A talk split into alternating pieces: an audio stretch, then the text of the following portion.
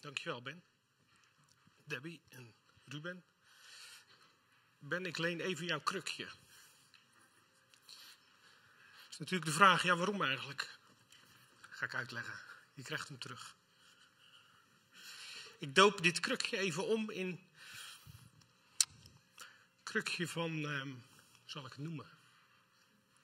Ik dacht op mijn stoel onzekerheid, maar dat vind ik niet helemaal passend eigenlijk. Krukje van zoeken. Zoeken en vragen. En zolang ik op dit krukje zoek, of zit, sorry, bedenk dan, het is David die aan het zoeken is en die aan het vragen is. Als ik eraf stap, dan ga ik aan mijn preek beginnen. En dan is het anders. Misschien een beetje een rare inleiding. Maar, hou je daarvan? Oké. Moet rechtop zitten op de krukje, zeg. De reden dat ik op dit krukje ga zitten is dat er best wel veel veranderd is afgelopen jaar. Ehm, ik ben ontzettend blij dat we weer bij elkaar komen. Dat heb ik al vaker gezegd hier. Ik geloof, ik denk dat we dat nodig hebben. Om bij elkaar te komen, om elkaar te zien. Ook om elkaar een hand te geven en een huk. Dus daar zie ik naar uit. Ik weet niet of u er naar uitziet. Ik heb mensen gehoord die zijn blij dat dat eh, een poosje weg is geweest. Ja, ik moet heel eerlijk zeggen, geen handen geven. Ik kom bij klanten en dan geef je geen hand. Het is zo weird, echt. Dat is raar. Een hand geven is, je connect met iemand en je, je bent on speaking terms. Soms bezegelt het iets. Het geeft iets aan, een hand geven. En daar zie ik wel weer naar uit, dat dat kan. Dat je elkaar weer een eh, huk kan geven, af en toe. En misschien zelfs een kus, in het uiterste geval. Maar dat is, ik, eh, dus ik ben blij dat dat weer aan het terugkomen is. Dat we weer terug kunnen naar normaal, wat mij betreft. Maar ik moet ook wel zeggen dat ik. Hè, we, hebben, we proberen langzaam weer wat dingen op te starten. Je start weer met online dien, of met, met de dienst hier. Je zendt het uit. Je zoekt naar, hè, naar tieners. Je zoekt naar kinderdienst. Je zoekt naar kringen. Je zoekt naar invulling. Hè. Als, ik mag wel voor de oudsten spreken, dat we zoeken naar invulling van gemeente zijn eigenlijk. En ik kan u vertellen, dat is best wel, eh, best wel lastig. Tenminste, ik vind het lastig. En dat heeft met verschillende dingen te maken. Dat heeft te maken dat we heel poos niet bij elkaar zijn geweest. En dan kom je weer. En dan zit het eerlijk gezegd, als u mij het vraagt, niet zo vol. Dan mis ik best wel veel mensen. En er zijn redenen voor. Hè. Sommige mensen durven niet, sommige mensen zijn oud, sommige mensen zeggen ja, ik zit in de zorg en dat begrijp ik. En dat is goed. En er is geen veroordeling voor. Maar ik denk toch dat we de gemeenschapszin, dat we die nodig hebben. En dan zoeken we als oudste van ja, hoe gaan we dat nou invulling geven? Willen we terug naar zoals het was, zodat het bekend is, zodat het vertrouwd is, zodat we doen wat we altijd hebben gedaan? Of zoeken we naar nieuwe vormen? Zoeken we naar, ja, hoe gaan we daar, hoe gaan we daar nu mee om? Hoe gaan we het terug opstarten? Wie, welke mensen willen naar voren stappen? En dat is, ja, dat is best wel een beetje zoeken. Ehm, en dat is, dat is niet altijd makkelijk. Dat is niet altijd makkelijk. Zeker niet als de groep klein is. Hè? Als mensen nog niet eraan toe zijn om weer iets te doen of iets op te pakken. Dus ja, dat is, ehm, daarom zeg ik eh, krukje van zoeken, een krukje van onzekerheid. Ja, misschien wel een stukje onzekerheid van mijn kant. Maar dat geeft niet. Ehm, ik deel het alleen maar omdat ik graag u ook vertel eh, waar ik zelf ook in zit, persoonlijk gewoon. Als ik naar de gemeente kijk, wat we doen, hoe we met elkaar omgaan, wat deze plaats betekent voor mensen. Ik geloof dat de gemeente een plek heeft, een functie heeft. Het wordt niet voor niks een lichaam genoemd en in een lichaam heeft iedereen een functie, een plek die je toekomt, waar je ja, een functie ook uitvoert. Elk lichaamsdeel voert een functie uit, zo is dat. Zo beschrijft Paulus dat ook. Maar hoe dat dan precies invulling heeft, dat weet ik niet, nog niet precies. Maar alles bij elkaar, hè, dat hele, nou ja, die hele zoektocht is misschien een beetje een heel groot woord, maar hè, dat, dat nadenken over gemeente zijn, ja, dat bracht me uiteindelijk tot de vraag, ja, wat is, wie is de wijngaard eigenlijk? Wat is de wijngaard? Gemeente in Barendrecht, dat weten we, evangelische gemeente. Ehm, gemeente die al lang bestaat, 40 jaar. Ik heb vorige week met wat mensen gesproken, gevraagd nou, hoe is het ontstaan. En dan blijkt het ehm, ja, ongeveer 40 jaar, mag ik dat zeggen Hans? Ongeveer. Geleden ontstaan te zijn. Klein, als huisgemeente. Daarna samengegaan nog met Bazuin, begrijp ik. Toen is ergens de, de naam Wijngaard ontstaan. Ik ben er nog niet achter hoe dat komt. Ik had wat mensen willen vragen, maar het kwam er deze week niet van. Um, door roerige tijden geweest. Hè. Er zijn scheidingen geweest. Er zijn verschillende voorgangers geweest. Maar de wijngaard is er nog steeds. Hij heeft bestaansrecht. De gemeente van God heeft bestaansrecht. Ook de wijngaard, ook hier. En daar ben ik blij om. En ik ben blij dat ik daar onderdeel van ben. Ja, en dan, ja, dan ga je kijken van wijngaard. Wat is, wat is dat? Wat, wat is onze, laten we zeggen, onze fingerprint? Wat is onze, ja, wat, wat, wat, wat houdt de wijngaard nou precies in?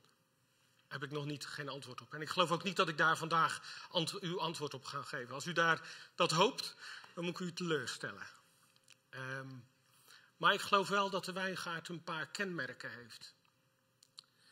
En we weten dat een aantal jaren geleden is, eh, met, met Jong en Vrij is er ook iets uitgesproken over de wijngaard. Dat we een deur zouden zijn. Een deur voor Barendrecht. Dat is een mooi beeld, een deur. Dus er zijn verschillende aanknopingspunten, denk ik. De wijngaard heeft mensen uitgezonden ook. Vroeger, echt zendelingen naar het buitenland. Een aantal ondersteunen we nog. En vorig jaar zijn uh, Johannes en Kiran weggegaan. Dat vond ik uh, best wel lastig, dat heb ik al een keer gezegd, geloof ik. Um, ik ben vorige week bij ze geweest. Jullie hebben de groeten van hen. Ze hebben een mooi huis, midden in een straatje tegenover een uh, heel leuk gebouwtje. Um, veel plannen. Um, genoeg ontgonnen terrein hè, om uh, te verkennen en om uh, daar dienstbaar te zijn. Een hart vol van Jezus om zijn woord daar te brengen. Hè, om een nieuwe, een vernieuwde boodschap te brengen, dat geloof ik. Nou, Martin en Jacqueline, jullie gaan. Mensen die zoeken en die durven, nadat ze ook wel in de wijngaard zijn geweest, als ik hun woorden begrijp, durven om uit te stappen. Durven om aan de hand van Jezus iets nieuws te gaan doen. Uit te gaan en diezelfde boodschap die we hier mogen verkondigen mee te nemen en die bekend te maken aan andere mensen. Wat is er mooier dan dat? Niet alleen hier, natuurlijk, hier is het goed. En ik ben iemand die graag uh, de dingen bij elkaar houdt en die uh, uh, vrede en harmonie en al die dingen die in de gemeente hopelijk te vinden zijn om dat bij elkaar te houden. Maar ineens dacht ik, ja, maar een deur heeft twee kanten. Ja? En ik zag die deur altijd als, hè, zeg maar even de voordeur hier, die gaat open en dan kunnen mensen naar binnen. Dat is waar. Dat is, dat is één, één weg naar binnen. Maar er is ook een weg naar buiten. Als je hier bent, straks ga je naar buiten. En misschien zijn we wel een gemeente die mensen in vrijheid brengen en juist naar buiten laten. Is dat misschien een tweede beeld? Ik weet het niet. Ik, ik, ik zeg niet dat dat zo is, hè. Maar het gaf mij een, een, nieuwe, uh, ja, een nieuw idee over die deur voor Barendrecht. En daar ben ik blij mee. Ik ben blij dat jullie naar Zwitserland gaan. Ik vind het jammer, maar ik wens jullie daar alle, alle het goeds toe. Martin is weg. Ja, mooi. We zegenen hem. Heer, dank u dat u Martin zegent in zijn werk. En um, dat u hem een plek geeft en dat u hem um, inspireert met nieuwe ideeën, met alles wat hij voor ogen heeft. Heer, u zegent hem. U zegent Jacqueline met de kinderen. Dat ze straks een goede plek hebben om te wonen en te leven. Ja, en ik geloof dat God ons bij de hand neemt. En het is mooi als je hier de gemeente uitgaat en die boodschap gaat meenemen. Ja, dat is mooi. Goed, Wijngaard. Ja, ik ontkom er dan niet aan om de naam te nemen, Wijngaard. Waar die dan ook vandaan komt, dat weet ik dan nog niet. Um, jij weet het wel. Nou, dan um, maar uh, laten we Wijngaard als aanknopingspunt maar nemen. En kijken, ja, wat wordt er eigenlijk over wijn en over Wijngaard gesproken in de Bijbel. Dus nou ga ik van mijn krukje af. Um, en ik wil daarmee niet zeggen dat dat niet geïnspireerd is, wat ik gezegd heb. Um, maar ik hoop iets iets meer bijbels gegrond over wijn en over de wijngaard te spreken. Maar de wijngaard, fysieke wijngaard. En um, als je gaat zoeken op wijn en wijngaard, dat is het mooie van een app, krijg je alle teksten zo in beeld. Kun je zo scrollen, kun je zo zoeken op, op alles. Dat is geweldig. In het, als je kijkt in het oude verbond, wat daar aan wijn en wijngaard wordt genoemd, dat is ongelooflijk. Bijna in elk bijbelboek komt het terug. dus uh, dat, is, dat, is, mooi. Weet iemand toevallig wie de eerste um, uh, wijngaard plantte? Weet iemand dat? Ik wist het ook niet hoor. ja, Hans, ja. Nee, nee, nee. Hans? Ja, Noach. Noach was de eerste wijnbouwer. Hij kwam uit de, uit de ark met zijn familie. Um, en hij plantte een wijngaard. En hij wist hoe het werkte. Hij had natuurlijk ook wel redelijk wat tijd. Maar hij wist hoe het werkte, want hij werd dronken van de wijn. Nou, dat is niet zo'n fraai verhaal, dus dat laat ik verder even voor wat het is. Maar daar begon al de wijngaard. En wat je ziet is dat um, maak een beetje een sprong, maar dat wijn en wijngaarden waren eigenlijk onlosmakelijk verbonden met het leven in die tijd. Ja? Ik ben een beetje opgegroeid met ja, sterke drank is niet zo goed. Wijn dronken wij thuis niet. alcohol was niet uh, not done. Maar in, in die regio was wijn en wijngaard was heel normaal. Was net zoals brood, olijven, olie honing en melk, zoals het als belofte wordt gegeven aan het volk, was wijn een onderdeel van het dagelijkse leven, van het dagelijkse ritueel. Dus bij je, bij je maaltijd, daar ontbrak, denk ik, nooit wijn. Um, en ik wil, ik wil graag lezen met jullie wat God zegt op het moment dat het volk Israël uit Egypte is geleid. Um, en de belofte die God daar doet, dat moet je gewoon ook voor jezelf eens hardop lezen. Dat is zo geweldig. Ik had het niet op mijn preek staan, ik las het toevallig vanmorgen. Ik dacht, ja, dat moet ik lezen, dat moet ertussen. Um, en dat is uit De Deuteronomium 7. Ik weet niet, hebben jullie hem op het scherm? Ja, Deuteronomium 7. Dat is, ik, ik, ik lees hem niet van scherm, ik lees hem uit mijn Bijbel als u het niet erg vindt.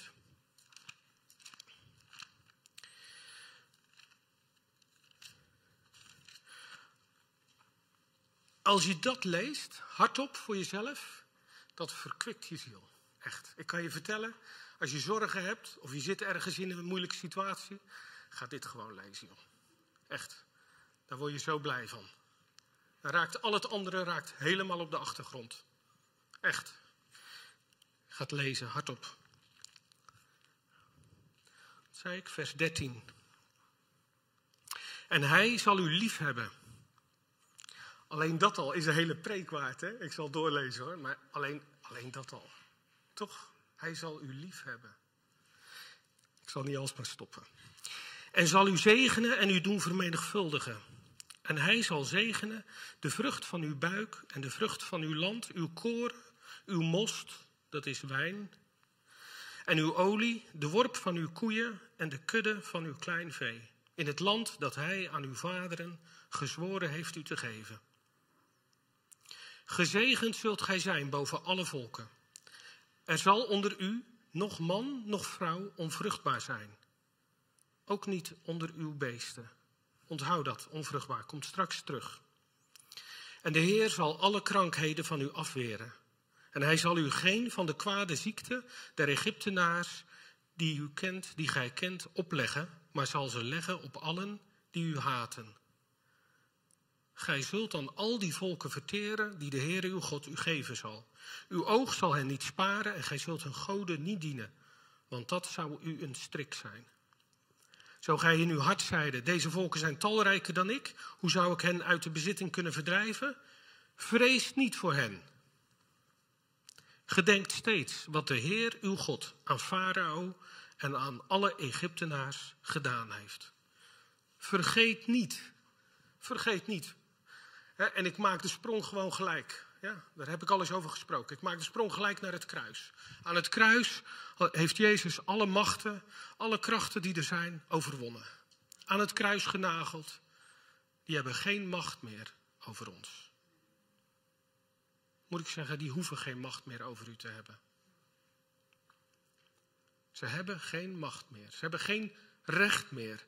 Geen bestaansrecht meer in uw leven, in uw gedachten. Of wat, wat dan ook. Ja? Dat is wat God deed met het, met het volk van Egypte. Met Farao en met, alle, met zijn hele leger. Met alle machten die daar waren. En hij zegt, hij zal zegenen de vrucht van uw buik, de vrucht van uw land, uw koren, uw most en uw olie. Wonderlijk. In alles wat je, wat je leest in, in die eerste boeken van de Bijbel, komt dat elke keer terug. Je koren, hè, dat is het brood. Uw most, dat is je wijn, wijngaarden. En je olie. Heel bekend, olijfgaarden in de Bijbel. En waren altijd onderdeel van de landbouw eigenlijk in die tijd. Koren, wijn en olie. Als je kijkt naar de betekenis van die drie, van brood, dan is dat, ik heb ze opgeschreven, dus kan ik ze niet vergeten, dat is, althans zoals ik het zie, brood is voeding. Brood geeft kracht. Brood geeft energie. Brood geeft groei. Ja, dat is de functie van het brood in het leven. Gewoon het dagelijkse manna wat het volk kreeg, gaf ze voeding voor de hele dag. Dat was het brood. De wijn, waar stond die wijn dan voor? Die wijn die stond voor vreugde, voor lieflijkheid, stond ook voor voorspoed. Het hebben van een wijngaard was iets bijzonders voor het volk, om, dat werd vaak generatie op generatie doorgegeven. En wijn was onderdeel van het dagelijks leven. Dus het, was, het stond voor vrolijkheid. Het, het vrolijkt ook je hart. Het staat ook in de Bijbel dat je, ja, dat je vrolijk wordt van wijn. Het ontspant en het maakt vrolijk. En dat wil de Heer. De Heer wil dat we vrolijk zijn. Niet dat we dronken zijn. Dat moet ik dan als goede spreker moet ik dat natuurlijk toevoegen. Maar wel vrolijk. God wenst ons vrolijkheid toe. Geen zwaarmoedige geest. En daar staat die wijn voor. Die wijn staat nog voor meer. Want, en dan maken we een sprong. Die wijn staat ook voor het bloed. Het bloed van Jezus. En daarmee voor reiniging. En hij zegt later, daar kom ik nog op terug, zegt hij, neemt daarvan. Het volk Israël mocht absoluut geen bloed. Een beest wat geslacht was, mochten ze, waar bloed nog in was, mochten ze niet eten. En God zegt, omdat daar het leven in is. En wat doen wij vervolgens? God roept ons op om dat leven te nemen. Maar dan wel zijn leven. Ja? Symbolisch, weliswaar. Maar we drinken van zijn leven. Dat is de betekenis van, van het avondmaal als we dat hebben. Hè? Dat we zijn leven indrinken. Dat het deel van ons wordt. En dat leven gaat in ons werken. En dan die olie. Die Heilige Geest. Olie was ook weer een teken van rijkdom, van zegen, van voorspoed. Ja? Olie was onderdeel van heel veel facetten in het leven van de, van, van de volken toen en ook van het volk Israël. Maar het betekent ook toewijding en belofte. Als je gezalfd werd met olie, dan was dat een teken van toewijding. Een koning werd gezalfd, een profeet werd gezalfd. En wij willen u ook graag zalven, we willen elkaar zalven met olie. Betekenissen van die drie, eigenlijk die drie belangrijke onderdelen. En als we dan lezen wat um, al die aanwijzingen die, die God geeft aan het volk Israël in het offeren, daar wil ik er eentje uitnemen. Omdat die mij zo in dit gedeelte over wijn zo, eh, zo, um, zo aansprak. En dat is het offer wat we lezen in Exodus 29, vers 38. Wil ik, ook, wil ik u voorlezen. Exodus 29.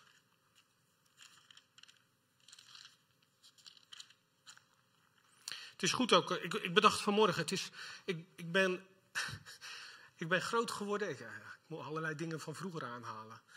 Ik ben groot geworden om, om, uh, om je Bijbel mee te nemen naar de kerk. Als je je Bijbel niet bij je had vroeger, nou, nou. En vanmorgen zat ik buiten te lezen en toen dacht ik, ja, maar weet je waar het wel goed voor is? En nu lees ik dit stukje, en dat is goed hè, dat staat in de Bijbel, dus er is niks mis mee. Maar als je het zelf leest, dan lees je misschien ook het vers wat daarvoor staat of erachter.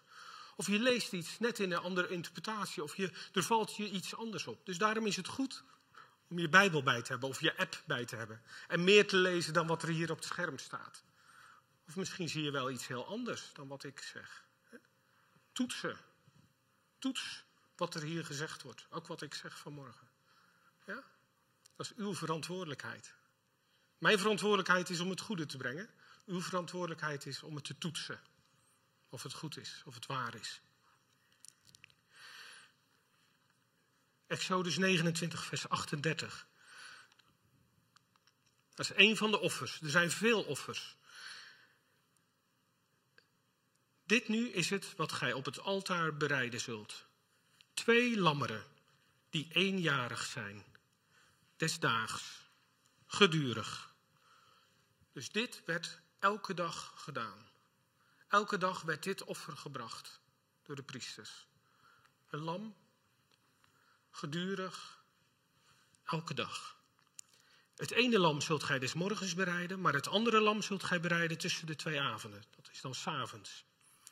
Met een tiende deel meelbloem, gemengd met een vierendeel van een hin gestoten olie. En tot drankoffer een vierde deel van een hin wijn. Hé, hey, daar komt de wijn.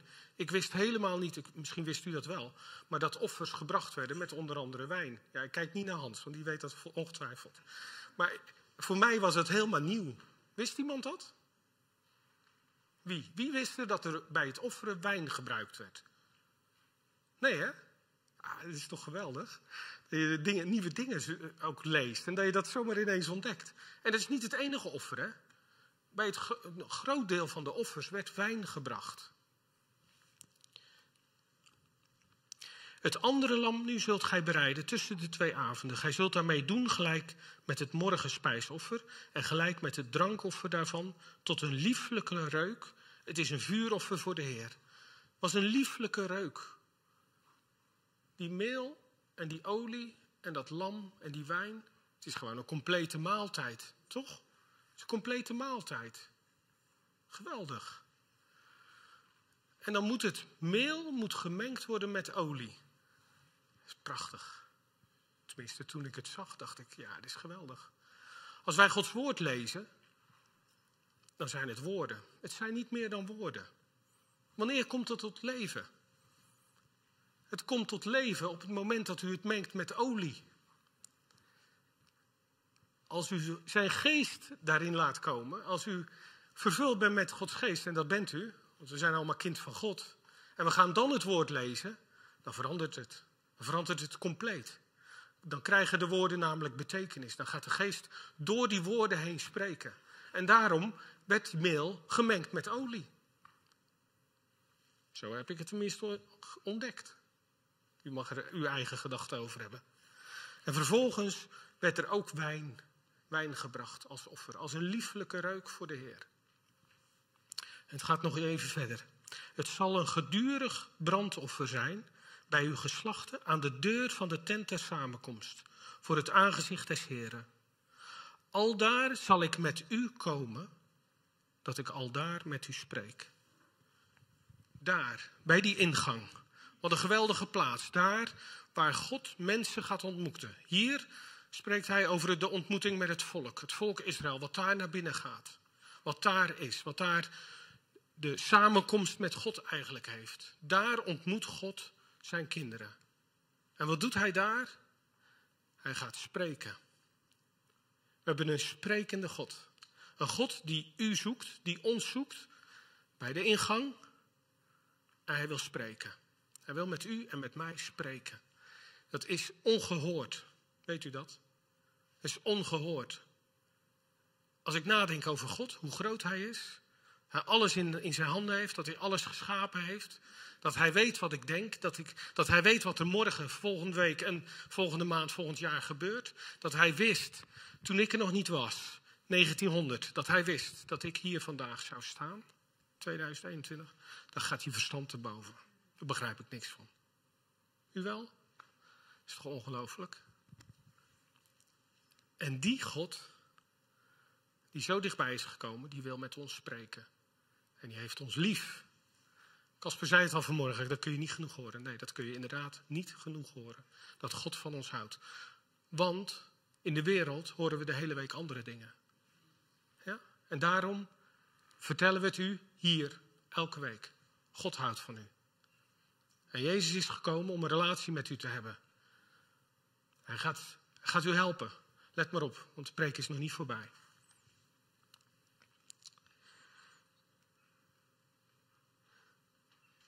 En daar zal ik komen. Ik weet niet of ik vers 43 er nog bij heb genomen. Ja. En daar zal ik komen tot de kinderen Israëls, opdat zij geheiligd worden door mijn heerlijkheid. En ik zal de tent der samenkomst heiligen, als ook, ook het altaar. Ik zal ook Aaron en zijn zonen heiligen, opdat zij mij het priesterambt bedienen. En ik zal in het midden van de kinderen Israëls wonen. En ik zal hun tot een God zijn. Wat een geweldige belofte. God zegt, doe dat dagelijks. Elke dag twee lammeren, s morgens en s avonds. Meel, olie en wijn. Of voor dat voor mij is een, een lieflijke reuk voor mij. En ik kom. En ik zal met je spreken. Dat is de belofte die God doet aan het volk Israël. Geweldig.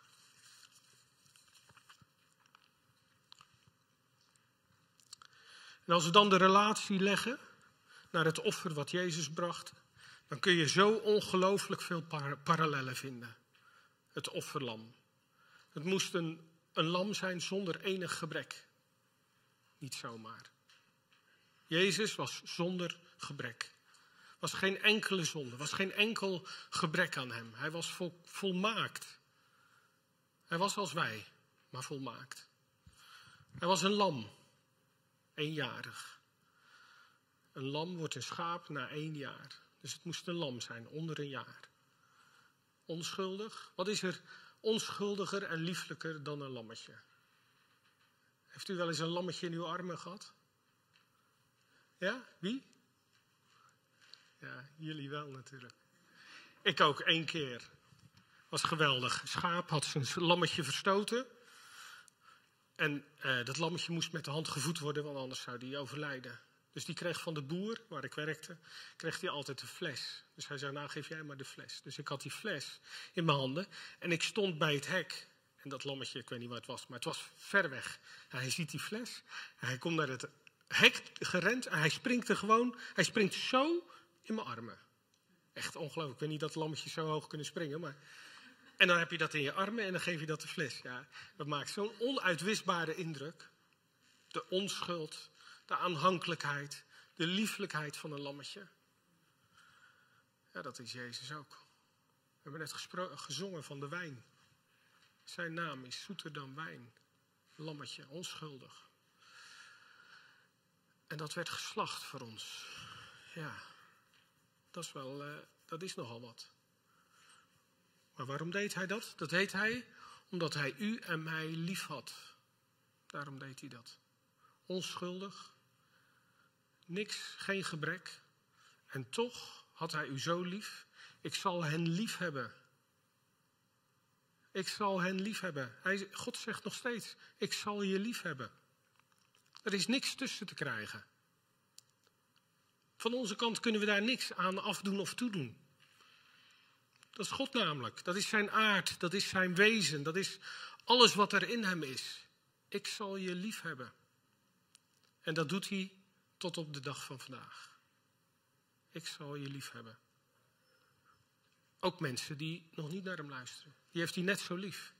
Wij denken dat er onderscheid is. Wij kunnen niet anders dan onderscheid maken in deze wereld. Ja, hem wel. Hem. Maar zij? Nee, dat kan toch niet?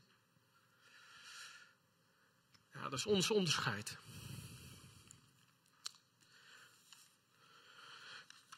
Ik wil, uh, ik wil gaan afronden. En ik kan moeilijk anders afronden dan te spreken over de ware wijnstok.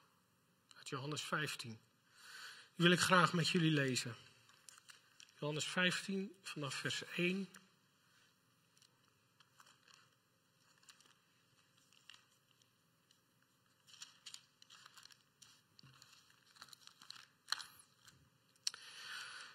En zegt Jezus, ik ben de ware wijnstok en mijn vader is de landman. Alle rank die in mij geen vrucht draagt, die neemt hij weg. En al wie vrucht draagt, die reinigt hij, opdat zij meer vrucht dragen. Gij zijt nu rein om het woord dat ik tot u gesproken heb. Blijf in mij en ik in u, Gelijk de rank geen vrucht kan dragen van zichzelf, zo zij niet in de wijnstok blijft. Alzo ook gij niet, zo gij in mij niet blijft. Ik ben de wijnstok en gij de ranke, die in mij blijft, en ik in hem, die draagt veel vrucht. Want zonder mij kunt gij niets doen. Zo iemand in mij niet blijft, die is buiten geworpen, gelijk de rank, en is verdord. En men vergadert ze en men werpt ze in het vuur en ze worden verbrand. Indien gij in mij blijft en mijn woorden in u blijven, zo wat gij wilt, zult gij begeren en het zal u geschieden. Hierin is mijn Vader verheerlijkt, dat gij veel vrucht draagt en gij zult mijn discipelen zijn. En dan gaat het nog een aantal versen verder en die mag u thuis lezen. En dan, vraag ik, neem even in herinnering wat God spreekt over het volk Israël. De beloftes die hij geeft. De geweldige voorspoed die hij genoemd heeft. En dan leg ik dit stukje daar langs. En dan zegt Jezus, zegt, als je in mij blijft, in mij, dan draag je veel vrucht. Onherroepelijk. Dat is geen vraag. Dat is niet, als je in mij blijft, dan zul je vrucht gaan dragen. Dat is vaak wat wij denken. Nee, dan draag je veel vrucht als je in mij blijft. Amen. Zeg maar allemaal amen erop. Dan draag je veel vrucht. En God zei tegen het volk Israël: Niemand van jullie zal onvruchtbaar zijn. En dat is ook vandaag. Nog steeds dezelfde belofte. Niemand zal onvruchtbaar zijn. Dat is ik geloof dat je dat zelfs fysiek mag zeggen. En ook geestelijk zeker. Want alles wat we in het, van het volk Israël lezen, dat is niet helemaal hoor, maar zo zie ik het een beetje. Dat is het fysieke, dat is het zichtbare, dat is hoe het hier was, hoe God het bedoeld heeft voor het volk Israël. En in het nieuwe verbond is het voor ons allemaal geworden. En dat is niet alleen in het fysieke, ook in het geestelijke. Onlosmakelijk met elkaar verbonden. Laten we die dingen niet scheiden. Niet van het een wel, het ander niet. Nee, vruchtbaar. Iedereen zal vruchtbaar zijn, zal veel vrucht dragen. En dan het laatste wat ik daaruit zou willen zeggen is. Indien gij in mij blijft en mijn woorden in u blijven, wat je ook vraagt, zal hij je geven. Lees Deuteronomium 7. Wat zegt God daar? Alles alles geeft hij het volk Israël. Ja? Koren, most, olie. Voorspoed voor de kudde was belangrijk in die tijd. Want dieren waren, een, uh, waren rijkdom. Hè? Die gaven rijkdom en macht. Handel, allerlei dingen die daarbij hoorden. Vruchtbaarheid voor de, voor de vrouwen en de kinderen. En hier zegt God, als je in mij blijft, dat wat je vraagt, dat zal ik je schenken, dat zal ik je geven. Dit is toch een geweldige belofte die God hier geeft. Als we in Hem blijven. En u blijft in Hem, want u hebt Zijn geest ontvangen. En daarmee blijft u in Hem. Wees niet bevreesd. Wees niet bang. Kan ik, kan ik uit Hem? Dat is dan eh, zo'n vraag hè, gelijk die bij je opkomt. En als ik, nou niet, als ik nou niet in die wijnstok ben, wat dan? Ja. Dan denken we gelijk aan die rank die verbrand wordt. Toch? Dat is toch een van de eerste gedachten die dan in, althans, laat ik maar voor mezelf spreken, die in mij opkomt. Geen verkeerde vraag, maar we zijn in Hem. Hij heeft zijn geest aan u gegeven. Dat is helemaal niet aan de orde. En daarmee wil ik u zegenen. Dat u deze week bent u in hem en zult u veel vrucht dragen. Onherroepelijk. Want dat hoort bij het leven met hem. Dat is niet te scheiden, dat is niet dan wel, dan niet. Wel nee, dat is altijd. Dat is wat God voor u en mij bedoeld heeft. Zo wil hij het. Gelooft u dat?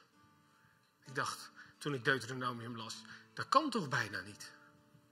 Zoveel voorspoed. Zoveel voorspoed. Ik dacht, dat kan bijna niet. Het is niet veranderd. God is toch niet veranderd. God heeft toch niet gezegd, ja, die beloftes waren voor Israël. Maar nu is het heel anders. Nu is het, nee, het tweede verbond is wel veel beter. Maar dat, dat hoort daar niet bij. Dat geloof ik echt niet. Dat kan helemaal niet. Als het tweede verbond zoveel beter is dan het eerste. Dat zijn niet mijn woorden, hè, dat het tweede verbond beter is. Dat zegt Paulus. U mag het erop naslaan. Als u wilt weten waar het staat, dan zoek ik het voor u op. Paulus zegt, het tweede verbond is beter dan het eerste. En daarom is het eerste voorbij gegaan en is het nieuwe gekomen. En als God in dat oude verbond dat zegt, hoeveel te meer dan in het nieuwe verbond? En dat dat waarheid mag worden deze week. Dat u daar iets van mag ervaren, iets mag zien. En ik noem dat wel eens, tegen mijn kinderen heb ik dat wel eens gezegd, een piketpaal. Ja, wat doet een piketpaal? Die sla je in de grond en daar zal die staan. Als je je land afzet, dan zet je die eerst af met piketpalen, want dat is van jou. Dat deze week, dat u een piketpaal mag slaan in iets wat u ervaart, in uw geestelijke leven of in uw fysieke leven, maakt me niet uit. Maar dat er een piketpaal de grond in gaat, die niet meer weggaat. Ik heb er een paar in mijn leven, ik wil ze best vertellen, maar dan gaat het lang duren. En die staan daar en die gaan daar nooit meer weg. Ja? Dat wens ik u toe. Een piketpaal deze week.